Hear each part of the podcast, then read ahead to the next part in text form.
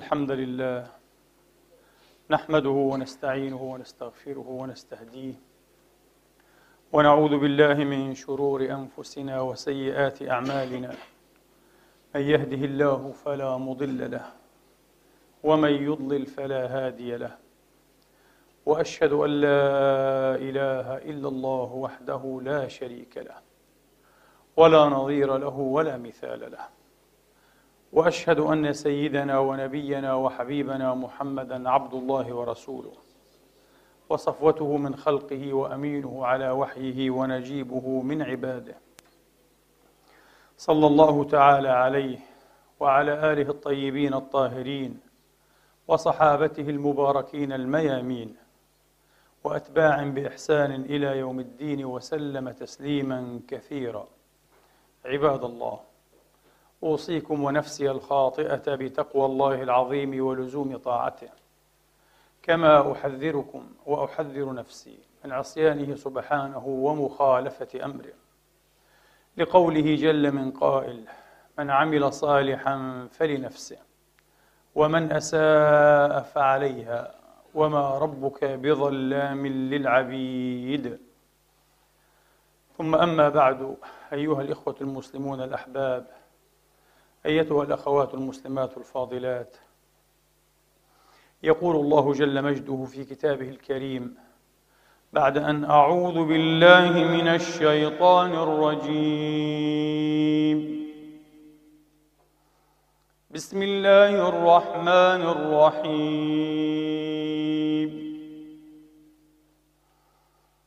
قد كانت لكم أسوة حسنة في إبراهيم والذين معه إذ قالوا لقومهم إنا براء منكم ومما تعبدون ومما تعبدون من دون الله كفرنا بكم وبدا بيننا وبينكم العداوة والبغضاء أبدا حتى تؤمنوا بالله وحده إلا قول إبراهيم لأبيه لأستغفرن لك وما املك لك من الله من شيء. ربنا عليك توكلنا واليك انبنا واليك المصير. ربنا لا تجعلنا فتنه للذين كفروا واغفر لنا واغفر لنا ربنا إنك أنت العزيز الحكيم. لقد كان لكم فيهم أسوة حسنة لمن كان يرجو الله لمن كان يرجو الله واليوم الآخر. ومن يتول فإن الله هو الغني الحميد. عسى الله أن يجعل بينكم وبين الذين عاديتم منهم مودة. والله قدير والله غفور رحيم. لا ينهاكم الله عن الذين لم يقاتلوكم في الدين لم يقاتلوكم في الدين ولم يخرجوكم من دياركم أن تبروهم أن تبروهم وتقسطوا إليهم. إن الله يحب المقسطين إنما ينهاكم الله عن الذين يق إنما ينهاكم الله عن الذين قاتلوكم في الدين وأخرجوكم وأخرجوكم من دياركم وظاهروا على إخراجكم وظاهروا على إخراجكم أن تولوهم ومن يتولهم فأولئك هم الظالمون صدق الله العظيم. وبلغ رسوله الكريم ونحن على ذلك من الشاهدين. اللهم اجعلنا من شهداء الحق القائمين بالقسط. آمين. اللهم آمين. إخواني وأخواتي شيء من رسالة هذه الآيات الجليلة أن الثبات على العقيدة والاعتزاز بالدين والبراءة من عقائد المخالفين لا يعني البتة أن نعاديهم في كل حال.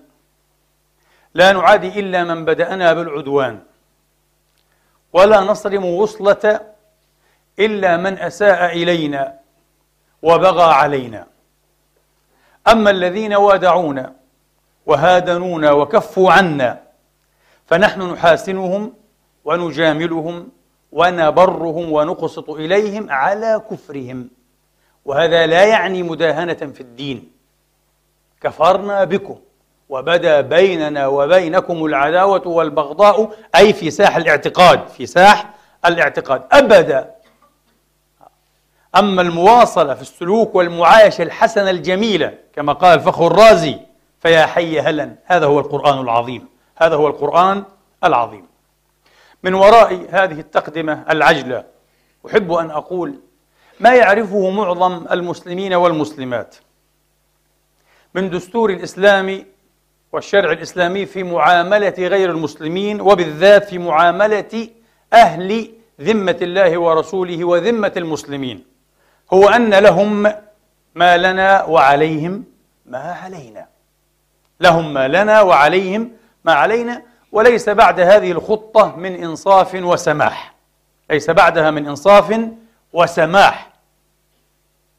ما عساه يبلغ المرء من إنصاف الآخر والتساهل والتسامح معه أكثر من أن يحله بمحل ذاته ونفسه.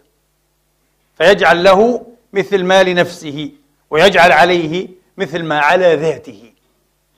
لكن من أسف ما لا يعرفه أكثرنا أن الفقه الإسلامي والمذاهب الإسلامية المتبوعة لم تسلك وفق هذه الخطة. وإن استعلنوا بها غير مرة وكرروها وجعلوها عنوانا لهديهم في معاملة الآخر. لكن في التفاصيل تكمن الشياطين. في التفاصيل تكمن الشياطين. كيف عامل رسول الله صلى الله عليه وآله وأصحابه وسلم أهل ذمته؟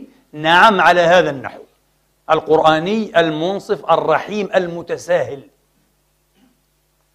لكن كيف فهم الفقهاء هذه المسألة؟ كيف تعاطت معها الأمة وتتعاطى إلى اليوم؟ أيها الإخوة من أسف والوقت ضيق في فصل الشتاء.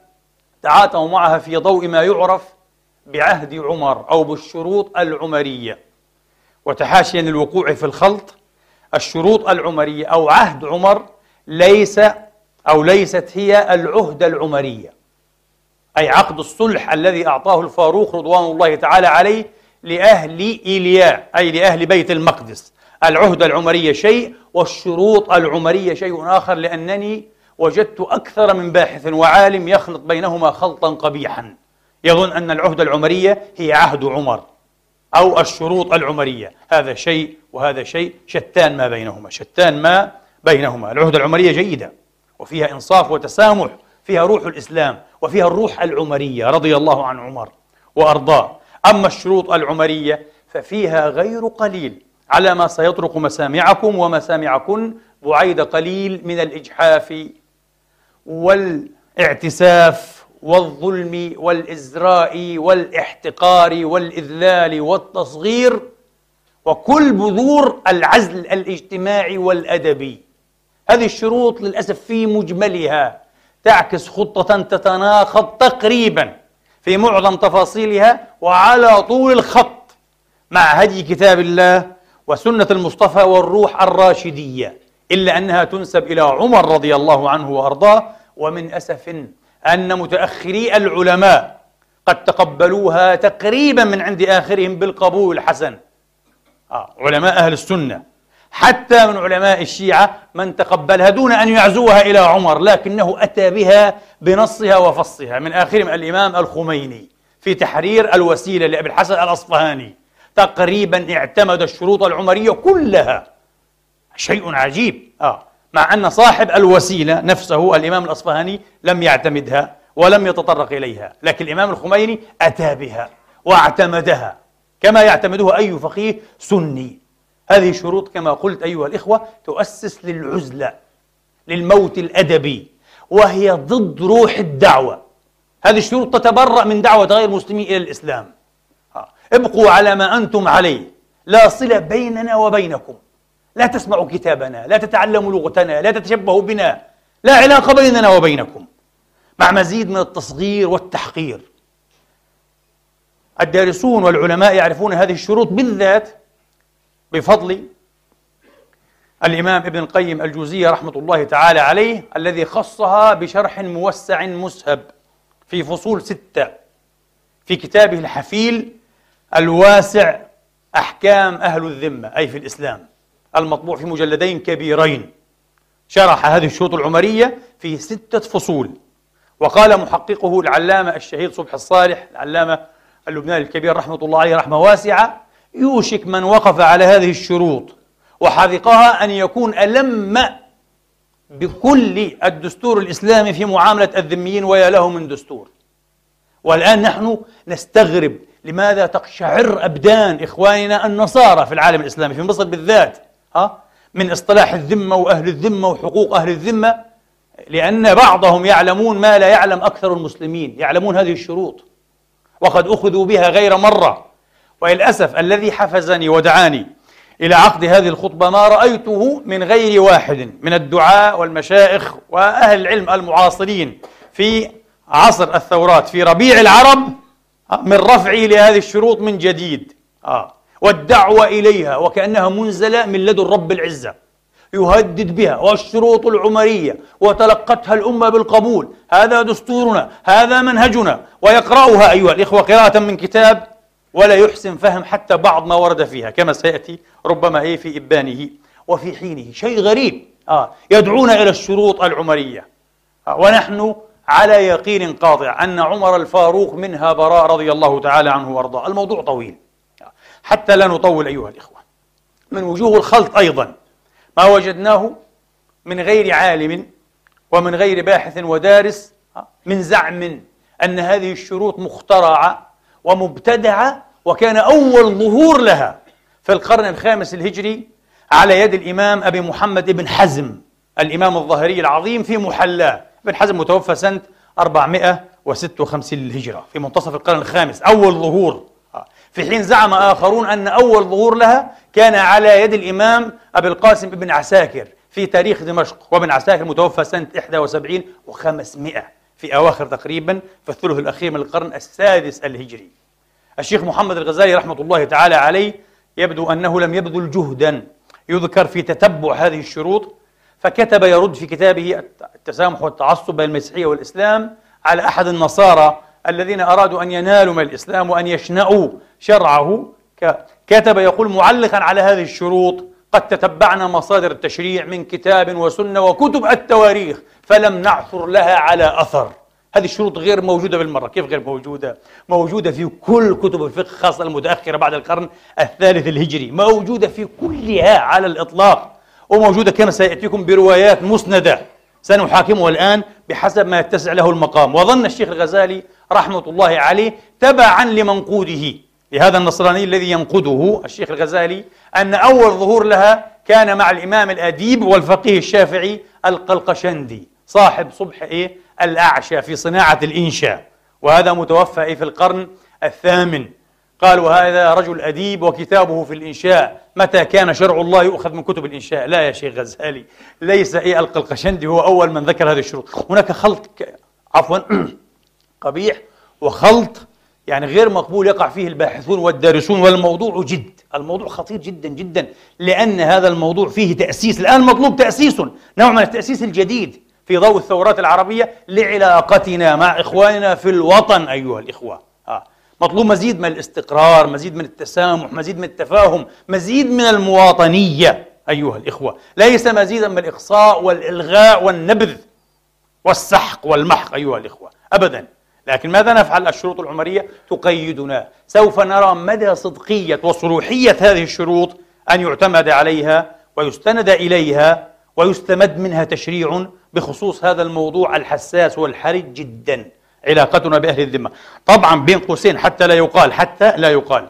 هل موضوع أهل الذمة والجزية من الموضوعات التي تشكل وضعا غير قابل للتغيير والتبديل أيها الإخوة. أم من الموضوعات التي ينظر إليها على أنها عقد وعهد يمكن أن يزول بزوال محله أو بزوال أطرافه أو بعض أطرافه. وضع أو عقد هذا موضوع يحتاج إلى خطبة وربما إلى أكثر من خطبة بحيالها. وضع كوضع بنوتي لأبي. آه.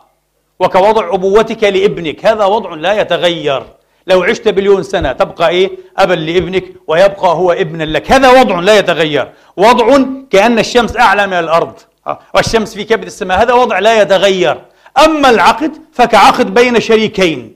في شركة معينة شراكة معينة هذا قد يزول. فهل موضوع الذمة وما يتبعها من جزية وضع أو عقد؟ آه. إذا أراد بعض الناس أن يعرف رأينا بكلمة هو عقد وليس وضعا. ويمكن أن ينسخ وينتهي كل شيء. لكن بعض الناس يظن أن أي شيء ورد في الكتاب والسنة بمجرد أنه ورد فهذا وضع مؤبد لا يزول. هذا غير صحيح. القرآن يتعامل مع الأوضاع ومع موضوعات إيه؟ العقود والعهود ولا بد أن يشرع فيها.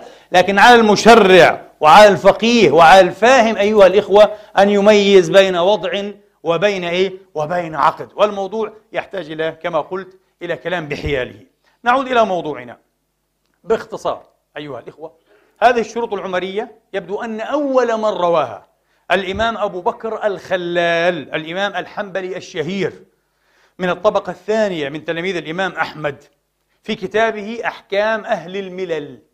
رواها وأبو بكر الخلال متوفى سنة 11 و300 طبعا هذا بحد ذاته يثير نوعا من الارتياب؟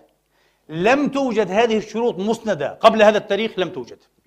الشروط العمرية بهذه الهيئة أيها الإخوة بهذه الروايات. لم توجد قبل رواية الخلال. أول رواية نقع عليها رواية أبي بكر الخلال. مش ابن حزم مش البيهقي مش ابن عساكر مش القلقشندي. مش ابن قيم الجوزية أو أبو الفرج ابن الجوزي. بعضهم يقول لا لا أبو بكر الخلال. آه 311 سنة 11 و300 للهجرة. ثم بعد ذلك مع الإمام ابن الأعرابي في معجمه وابن الأعرابي متوفى سنة 40 و300 بعد ذلك يرويها ابن حزم في محلاه ابن حزم 56 و400 أبو بكر البيهقي في السنن الكبرى 58 و400 أبو القاسم ابن عساكر رحمة الله عليه صاحب تاريخ دمشق 71 و500 هذا هو التسلسل لظهور هذه الرواية. لكن أول ظهور مع الإمام أبي بكر الخلال يرويها بسنده عن عبد الله عن شيخه عبد الله ابن الإمام أحمد بن حنبل رضوان الله تعالى عنه بسنده عن إسماعيل ابن عياش. قال حدثني جماعة من أهل العلم. كذا كذا. لا نستطيع أن نسرد هذه الشروط لأنها طويلة زهاء 25 شرطا وبنصها المقام ضيق جدا لكن سنجتزئ بالأشياء الحرجة والحساسة ومعظمها حرج وحساس. يقول إيه؟ ابن عياش فيما حدثه به غير واحد من أهل العلم أن أهل الجزيرة إيش المقصود بالجزيرة؟ في الكتب الجغرافية في الكتب التاريخية. كلمة الجزيرة هكذا وحدها تعني الجزيرة الفراتية ميزوبوتاميا. الجزيرة الفراتية يعني بلاد ما بين النهرين. وتضم تاريخيا هذه الجزيرة الفراتية في شمال العراق ولاية ولاية نينوى. فيها الموصل طبعا قصبتها الموصل. من بلاد الشام من سوريا الكبرى تضم ولاية الحسكة كاملة وأجزاء من دير الزور إيه؟ وغيرها. من بلاد تركيا تضم أورفا وماردين وديار بكر. كل هذا إيه؟ كل هذا اسمه الجزيرة الفراتية بلاد ما بين النهرين ميزوبوتاميا. يتكرر هذا المصطلح كثيرا في كتب الجغرافيا التقليدية. أن أهل الجزيرة كتبوا إلى عبد الرحمن ابن غنم. ليس غنم غنم بتسكين أوسطه. من هو عبد الرحمن ابن غنم؟ يقال إنه كان صحابيا. معظم العلماء على أنه ليس بصحابي. معظمهم صححوا أنه إيه؟ كان تابعيا من كبار التابعين من التقى عمر بن الخطاب. فعلا في علاقة بينه وبين الفاروق رضوان الله تعالى عنهم أجمعين. نعم. أهل الجزيرة كتبوا إلى عبد الرحمن ابن غنم واضح من آخر الكتاب أن ابن غنم بدوره كتب بهذه الشروط إلى عمر بن الخطاب الذي قبل بها كما هي وزادها شرطين. وزادها شرطين اثنين. كتبوا له أنكم حين قدمتم على بلادنا وطلبنا الأمان منكم. آه، وشرطنا لكم على أنفسنا. وهذا بحد ذاته يثير الاستغراب. ليس من عادة المغلوب أن يضع شروطه. الذي يضع الشروط هو الغالب وليس المغلوب. لكن الرواية تقول هم الذين وضعوا الشروط. هم الذين وضعوا شروطهم. هذا مثير. يثير كل مؤرخ كل دارس للتاريخ وقد أثار عشرات المؤرخين فاستنكروه منذ البداية. الفاتحة هي ليست إيه؟ بفاتحة حسنة مبشرة. آه. شرطنا لكم على أنفسنا. ألا نقيم بمدينتنا ألا نحدث بمدينتنا كنيسة. عجيب. النصارى يشترطون هذا على أنفسهم يريدون التضييق على أنفسهم في دينهم وأعز ما لديهم هو الدين والاعتقاد. ألا نحدث بمدينتنا كنيسة ولا فيما حولها من ديارنا ديرا ولا قلاية. ولا صومعة راهب القلاية والقلية. لفظة لم تدخل الاستعمال العربي إلا بعد ذلك بأمد قصير موجودة أيام عمر. ينكر هذا كل دارس للغة وكل دارس إيه؟ للتاريخ. هذه عبارات أحدثت بعدين. آه. تخيل الآن أن ننسب كتابا إلى القرن التاسع عشر وفيه عبارة مثلا إيه؟ عبارة إنترنت مثلا. واضح أنه هذا كذب. آه. الشبكة العنكبوتي في القرن التاسع عشر. وهكذا. آه. ولا قلاية. قلاية والقلية. آه. تكون في الدير. آه. مثل الصومعة لكنها تكون أعلى من الصومعة وينفرد بها راهب واحد لكل راهب قلاية.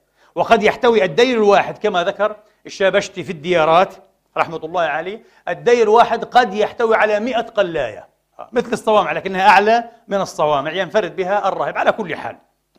ولا قلاية. طيب ولا ندق ولا ندق لأنه على ألا كل معطوف كل منصوب الآن. ولا ندق بنواقيسنا إلا دقا خفيا في جوف كنائسنا. كل تقييد ديني. هم يقيدون أنفسهم. مثير للاستغراب حقيقة. إلا إيه؟ دقا خفيا في جوف كنائسنا. ولا نظهر صليبا. ولا نظهر صليبا. وألا نتلو كتابنا أي بصوت جهير مرتفع.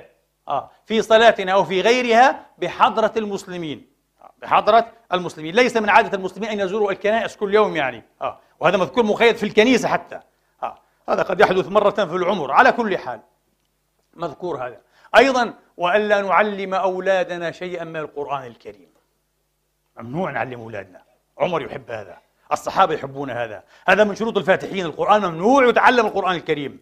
آه، ألا نعلم إيه؟ أولادنا شيئا من القرآن الكريم. ممنوع. القرآن لا. وألا نتكلم بكلامهم بكلام الفاتحين بكلام العرب. يعني بالعربية. نتكلم بلساننا. السورياني أو غير السورياني آه. ألا نتكلم بكلامهم. لا نتسمى بأسمائهم. ولا نكتني بكناهم ولا ننقش خواتمنا بالعربية ولا نتشبه بهم في ملبس وزي. ممنوع نلبس كما يلبس إيه؟ المسلمون. فلا نلبس قلنسوة ولا عمامة ولا نعلين. آه يلبسه المسلمون. آه يلبسون النعلين لا ننتعل كما ينتعل المسلمون. وألا نركب مراكبهم. وعلى فكرة واحد يقول لي هذا شيء مخيف جدا. تخشع له الأبدان. إيش؟ إيش هذا التضييق هذا والتحقير والتصغير؟ هذه الشروط العمرية التي يأخذ بها الفقهاء. والآن يدعى يخرج لك داعي من المغرب وآخر من مصر وثالث من بلاد مش عارف إيه يدعون إلى الشروط العمرية. قال لك شرع الله. بدنا نفتري على شرع الله بدنا نبتدع. شرع الله. العلم أخذوا بهذا. الفقهاء كل الأمة. لابد أن نطبق الشروط العمرية. ما شاء الله. خلاص. آه. إذا انتظروا أن تقسم بلادكم. ستقسم هذه البلاد. وسينفرد إيه؟ النصارى في كل مكان بدويلة لهم. ما هذا التفكير؟ ما هؤلاء الدعاة؟ ما هذه العقول؟ على كل حال نترك التعليق لكم والانفعال لكم. ليس لي. وألا وألا ولا نتشبه بهم إيه؟ في أزيائهم ولا في مراكبهم. وألا نتخذ السرج. ممنوع نركب على الدابة إيه؟ وعليها إيه؟ سرج. ها شو تركب؟ من غير سرج؟ مؤلم جدا. قال لك لا في شيء آخر. ممكن يكون هذا السرج من خشب كما قال الإمام الجويني في نهاية المطلب في دراية إيه؟ المذهب. خشب. آه. ومش هيك وبس وممنوع أن يتشبهوا بنا في المراكب ممنوع أن يركبوا على الخيول. الخيل ممنوع. الخيل ركوبها عز قال لك. يركبها الأنبياء والصالحون ومعقود بنواصيها الخير إلى يوم القيامة. كيف يركبها مسيح ويهودي ومجوس؟ ممنوع. فقط هذا المسلمين. هم يركبون الحمر فقط. أكرمكم الله على الحمير. والبراذين أه؟ البرذون ممنوع البراذين للمسلمين. الخيول المسلمين يركبون الحمر وغير الحمر ويركبون بالعرض. ممنوع يركبوا مثلها بالعرض من جهة واحدة تخيلوا؟ وممنوع يتخذوا السرج. وأن نحترم المسلمين وأن نوقرهم في المجالس وأن نقوم لهم عن مجالسنا. ذمي جالس يأتي مسلم يقوم الذمي يجلس المسلم مباشرة. حقوق شروط هذه الشروط العمرية الشروط العمرية وأشياء كثيرة. ثم يختم هؤلاء أهل الجزيرة كتابهم إلى ابن غن بالقول وإن نحن خالفنا وإن نحن غيرنا أو خالفنا عما شرطنا على أنفسنا وأخذنا الأمانة أي منكم عليه حل منا حل منا ما يحل لأهلي. وهذا غلط هذا تعبير غير صحيح. المفروض ما يحل من أهلي الشقاق والعناد. يعني نواقض العهد. انتقض عهدنا وحل منا ما يحل من أهل الشقاق والعناد. وطبعا حتى فقط نضعكم في الصورة. ما معنى أن ذميا ينتقض عهده؟ ذمي صاحب العهد انتقض عهده. إيش بصير؟ مباشرة يستحيل حربيا. يجوز قتله واسترقاقه. إما أن تقتله وإما أن تسترقه عبدا عندك. هذا معنى أنه إيه؟ انتقض عهده. مش انتقض عهده يجلس في بيته. لا ما في. إما أن يذبح وإما أن يؤخذ أسيرا. لو خالف في هذه الشروط في هذه الشروط لو علم ابن القرآن الكريم ودرسه كما فعل بعض النصارى في كل عصر يعلمون إيه أبنائهم؟ القرآن الكريم. وهذا يورث أبنائهم تقديرا للعربية وقربا من روح الإسلام واحتراما حتى لهذه الحضارة. إيه هذا ينتقد عهده بحسب كتاب ابن غن لكن سأترك التعليق على الشروط التعليق طويل جدا يحتاج إلى محاضرات آه. لكن نأتي إلى الأسانيد أولا ثم بعد ذلك إلى تعليقات سريعة في ما يتسع له المقام على المتن هل هذا مروي بأسانيد صحيحة حتى يتقبله علماء المذاهب الأربعة؟ ما هي أسانيده؟ باعتراف كبار العلماء أيها الإخوة هذه الشروط لا تتمتع برواية واحدة ليس لها رواية واحدة يتيمة تستند جيدا أبدا. لماذا أخذنا بها؟ عقلية الغالب عقلية المنتصر. هذا هو معروف. وعقلية العامة العامة تحب هذا. أذكر أنني قرأت أن القاضي أبا يوسف صاحب أبي حنيفة رضي الله تعالى عنهما وكان مذهب أبي يوسف رضوان الله تعالى عليه آه، كان مذهبه أن المسلم يقتل بالذم. لو أن مسلما قتل ذميا آه، عمدا أيها الإخوة عمدا ليس خطأ يقتل به يقاد منه كأنه قتل مسلما. ومش هيك بس أبو يوسف الوحيد من هؤلاء العلماء قال ويقتل بالمستأمن أو المستأمن. يجوز مثل معاهد ومعاهد حتى المستأمن. يعني واحد حربي ها مش ذمي حربي وطلب الأمان ودخل تاجرا مثلا أو غير تاجر بأمان. من الدولة الإسلامية. اسمه مستأمن هذا. آه، اسمه لمدة معينة لمدة معينة. ممنوع أن يبقى في الدولة بعدها. إن جاوزها قد يستحيل ذميا. واختلف في هذه المدة. مسائل فقهية طويلة. آه. أبو يوسف قال لو قتل مسلم ذميا أو مستأمنا يقتل به. وذات مرة أيام هارون الرشيد فعلا قتل مسلم ذميا. فاستفتي القاضي قاضي القضاء أبو يوسف صاحب الخراج والمستشار الديني الأول لهارون الرشيد. فقال يقتل به. فدفعت إليه رقعة. آه. دفعت إلى الرشيد. تقتلون المسلم بالذمي هذا جور هذا ليس عدلا هذا. فقال له الرشيد هل الرشيد يا أبا يوسف تدارك الأمر قبل أن تكون فتنة. آه. فجعل أن يطلب البينات وبعدين إيه؟ لفلفت المسألة. العامة تريد هذا. طبعا نحن لا نعرف أيها الإخوة أن ثورات وهيشات كثيرة ليست يسيرة. في تاريخنا كانت تقع بين الفينة والفينة آه بين المسلمين. آه والنصارى بالذات النصارى اليهود عاشوا مرتاحين كانوا قلة آه والنصارى. وفي هذه الهيشات والفتن كان يقتل العشرات والمئات وتهدم عشرات وأحيانا أكثر من عشرات يتعدى المئة آه مئة كنيسة في شهر واحد. هذا حدث في مصر أكثر من مرة. لا نعرف هذا. لم نقرأ تاريخنا ولا يقال لنا هذا. يقال لنا أسعد أقليات هي الأقليات صح. يمكن أن ترى نفسك الأفضل في العالم بشرط واحد فقط. أن تقارن نفسك مع الأسوأ. ودائما تخرج أنك الأحسن. نحن لا نريد هذا لديننا وإلى أنفسنا. نريد أن نكون الأفضل والأحسن حقيقة. ليس بالاحتيال. نقارن أنفسنا مع أوروبا في العصور الوسطى طبعا أفضل مليون مرة. لكن نقارن أنفسنا مع الكتاب والسنة مع الخلفاء الراشدين مع رحمة الإسلام. ما بنكونش الأفضل. هذا عدوان على أهل ذمتنا. والنبي أوصى أمته احفظوني في أهل ذمتي. احفظوني في أهل ذمتي. عمر هذا الذي تنسب إليه هذه الشروط العمرية كان يلفظ آخر أنفاسه الشريفة شهيدا وهو يقول وأوصي الخليفة من بعدي بأهل ذمة الله ورسوله. عجيب! يموت وهو يوصي بهم. أهل الذمة يقول لهم انتبهوا أهل الذمة. هذول في ذمة الله في ذمة الرسول في منعة الله ورسوله في كفالة الله ورسوله فيجب أن يكونوا في كفالة المؤمنين حقا وصدقا. آه. أن يحوطهم وأن يقاتل من ورائهم وألا يكلفوا ما لا يطيقون. ما معنى يقاتل من ورائهم؟ أي من أمامهم. ومن الوراء بمعنى إيه؟ أمام كما قال علماء العربية. يعني يقاتل دونهم. احمهم حتى بالقتال ولو قتلت دونهم أيها المسلم. هذا المطلوب. ابن حزم في كتابه مراتب الإجماع حكى عليه الإجماع أن ذميا لو أراده غير مسلم أو غير واحد بأذى أو بضرر قال العلامة الإمام ابن حزم يجب على المسلمين أن يمنعوه ولو أدى ذلك إلى أن يقاتلوا ولو أدى ذلك إلى استئصال المسلمين من عند آخرهم. عجيب إلى هذه الدرجة لماذا؟ حفاظا على من له ذمة الله ورسوله. هذا الإسلام الصحيح هذا الإسلام الرجيح المليح الجميل. مش إسلام إيه؟ الشروط العمرية الشروط اللي فيها إجحاف غير طبيعي. فنأتي إلى الأسانيد أيها الإخوة. هذا الإسناد إسناد أبي بكر بن عياش الذي لم يقع عليه العلامة الشيخ الألباني.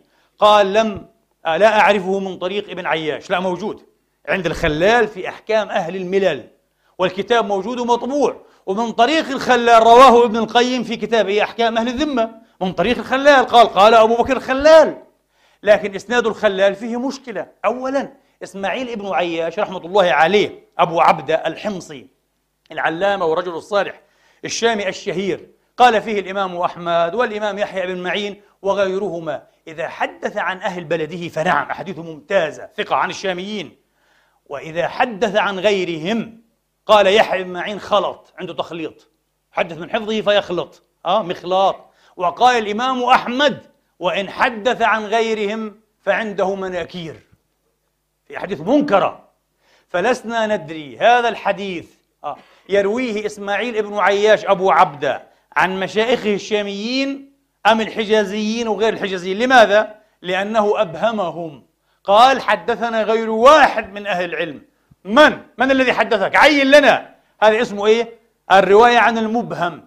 وتقريبا عند علماء المصطلح كافة. الرواية عن المبهم يعني رواية المبهم. أيها الإخوة رواية المبهم مردودة. وإن كان الذي أبهمه إماما في هذا الشأن. صح استثنى بعضهم الإمام الشافعي والإمام مالك لأنهم إذا أبهموا لم يبهموا إلا عن إيه؟ عن مشايخ معينين معروفين. إذا قال الشافعي مثلا حدثني الثقة فالثقة معروف شخص معين. هذه حالات استثنائية. معروف من هو؟ إذن هذا ليس مبهما على الحقيقة. أما المبهم على الحقيقة لا تقبل الرواية عنه. أيها لا لسنا ندري حاله من الجرح والتعديل. فالحديث فيه هذه المشكلة المزدوجة فسقط. لذلك ليس صحيحا. هذه الرواية ليست صحيحة. بعد ذلك الإمام ابن الأعرابي وابن حزم والبيهقي وابن عساكر أربعتهم يروون هذا الحديث عن مسروق ابن الأجدع أبي عائشة ها؟ الذي يرويه عن عبد الرحمن ابن غنم وأدركه حتما أدركه لأن مسروق توفي سنة ثنتين أو ثلاث وستين للهجرة في القرن الأول تابعي جليل تلميذ أمنا عائشة رضوان الله عليها. عن مسروق عن عبد الرحمن ابن غنم. لكن في الطريق إلى مسروق مصيبة كبيرة. عند هؤلاء جميعا. عند ابن الأعرابي ابن حزم والبيهقي وابن عساكر. في الطريق إلى مسروق يحيى ابن عقبة ابن أبي العيزار. قال فيه هذا رجل كذاب معروف هذا ما لذلك الحديث ضعيف جدا كما قال الشيخ الألباني. فيه ابن أبي العيزار في إرواء الغليل. قال فيه يحيى ابن معين كذاب خبيث عدو الله. كذاب خبيث عدو الله. وقال فيه الإمام البخاري حديثه منكر وقال فيه الإمام ابن أبي حاتم الرازي رحمة الله عليهم أجمعين يفتعل الحديث والضاع كذاب يخترع أحاديث فهذه الروايات كلها ستجدون فيها يحيى آه، ابن عقبة ابن أبي العيزار كذاب خبيث عدو الله يخترع الأحاديث فلم تصح هناك طريق أحسن أه؟ حنانيك بعض الشر أهون من بعض سفيان الثوري أه؟ أبو سعيد سفيان الثوري الإمام الجليل يقال الإمام الخامس في الإسلام رحمة الله تعالى عليه. سفيان الثوري يروي هذا الأثر عن مسروق ابن الأجدع. قلنا انقطاع ظاهر صارخ. سفيان الثوري رحمة الله تعالى عليه ولد سنة 97 للهجرة. 97 مسروق توفي سنة 2 أو 63 بينهما أمد قصي أمد بعيد ما في انقطاع. الحديث منقطع. وهكذا لم تسلم رواية. ابن عساكر عنده رواية جيدة يرويها عن شهر ابن حوشب من رجال مسلم الذي قيل فيه بعض الناس تكلم فيه. قصة مشهورة. باع شهر دينه بخريطة فمن يأمن القراء بعدك يا شهر. من رجال مسلم لكن ليس من رجال البخاري. شهر ابن حوشب تكلم فيه بعضهم لكن لا نقبله كما قبله مسلم. المشكلة مش في شهر. المشكلة في الطريق إلى شهر. إذ يرويه ابن عساكر أه من طريق يعني من سند. طريق هو السند. أيها الإخوة أه فيها أبو محمد ابن زبر أو أبو عبد الله محمد آه أبو محمد عفوا عفوا آه ابن زبر قاضي دمشق. قال فيه الإمام الخطيب البغدادي في تاريخ بغداد آه لم يكن ثقة هذا ليس ثقة قال أبو نصر ابن ماكولة لا يرتضونه. قال الحافظ الذهبي في المغني في الضعفاء وغيره قال ما أتقن في سير علم النبلاء ليس متقنا ضعيف فاستند ضعيف. لا توجد رواية واحدة تستند جيدا في الشروط العمرية. هذا من جهة إيه؟ الأسانيد إخواني وأخواتي. تلمحا لهذا الضعف البادي أراد أن يعتل ابن القيم ويعتذر فقال قال وشهرة هذه الشروط تغني عن أسانيدها. لأنه يعلم أن الأسانيد مضروبة معطوبة. قال ما في مشكلة على غير عادته ابن القيم إمام سلفي جليل يبحث في الأسانيد قبل أن يبحث في المتون على عادة أئمة السلف. لكن هذه المرة كبى به فرسه عن تعمد وتقصد ويعلم أنه لو بحث في الأسانيد لم يصح له منها سند واحد ولا طريق واحدة. لكن أحب المسلمون وابن القيم بالذات. وابن القيم أعرب في كتابه هذا وأنا غربت. استغربت عفوا استغربت من العلامة صبح الصالح. رحمة الله عليه كيف يعني أراد أن يصور ابن القيم أنه إمام متساهل ومت... غير صحيح. ابن القيم في معظم شرحه على الشروط العمرية كان متزمتا جدا جدا ومتعسفا وأتى بأشياء عن الفقهاء امتدحها واستثمنها واستحسنها فيها غير قليل من الاحتقار والإزراء والإذلال لأهل الذمة يا إخواني. فالرجل كان متشددا جدا ابن القيم. كيف يقال أنه متسامح؟ غير صحيح. لذلك لا تعتمد هذه الشروط كمنهاج في معاملة أهل ذمتنا. كلام ابن القيم رحمة الله عليه وإن أصاب في أشياء وإن أصاب في أشياء ما منا إلا إيه؟ راد ومردود عليه. آه. من ذلك مثلا ابن القيم استحسن إذا دخل الذم الحمام أن يدخل وفي عنقه جرس. كأنه كلب صار كذا جرس. هذا ذمي. انتبه. آه. استحسن ابن القيم في شرح شروط عمر رضوان الله تعالى عنه والتي عمر منها براء إن شاء الله آه أن المرأة الذمية حين تلبس الخفين لابد أن يكون أحد خفيها أحمر اللون. شو هالمهزلة هذه؟ إيه ما تمشي زي كذا. طبعا واستحسن كل هؤلاء ما ورد في الشروط العمرية وألا نفرق شعورنا. الفرق هذا المسلمين. النبي كان آخر شيء منه الفرق. آه. ممنوع نصراني يفرق. بلاش يختار له قصة شعر ثانية؟ ما في مشكلة. قال لك لا. الشروط العمرية تلزمه بأن يجز ناصيته. قال ابن القيم والناصية ربع الرأس. فتخيل بالله عليك التشويه هذا. ما في نصراني يمشي إلا إيه ربع رأسي محلوقة. هذا من معاملة أهل الذمة. لهم ما لنا وعليهم ما علينا. بالله عليكم. هل هذا لهم ما لنا وعليهم ما علينا؟ هذا تفريغ تفريغ وتذويب لهذه الجملة العظيمة. لهم ما لنا وعليهم ما علينا. آه. للأسف أدركنا الوقت. أقول قولي هذا واستغفر الله لي ولكم فاستغفروه.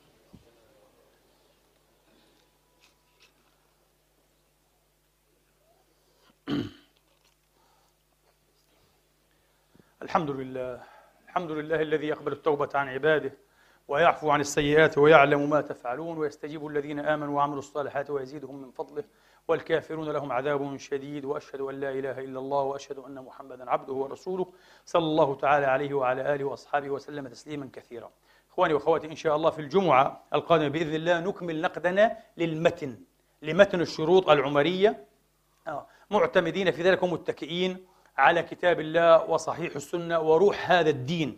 وفهم أيضا نفر من الأئمة والفقهاء في الأعصار القديمة وبالذات في هذا العصر. اللهم إنا نسألك أن تهدينا وتهدي بنا وتصلحنا وتصلح بنا. اللهم علمنا ما ينفعنا وانفعنا بما علمتنا وزدنا علما وفقها ورشدا. برحمتك يا أرحم الراحمين. اغفر لنا ولوالدينا والمسلمين والمسلمات المؤمنين والمؤمنات الأحياء منهم والأموات. بفضلك ورحمتك إنك سميع قريب مجيب الدعوات. عباد الله إن الله يأمر بالعدل والإحسان وإيتاء ذي القربى وينهى عن الفحشاء والمنكر والبغي يعظكم لعلكم تذكرون وأقم الصلاة.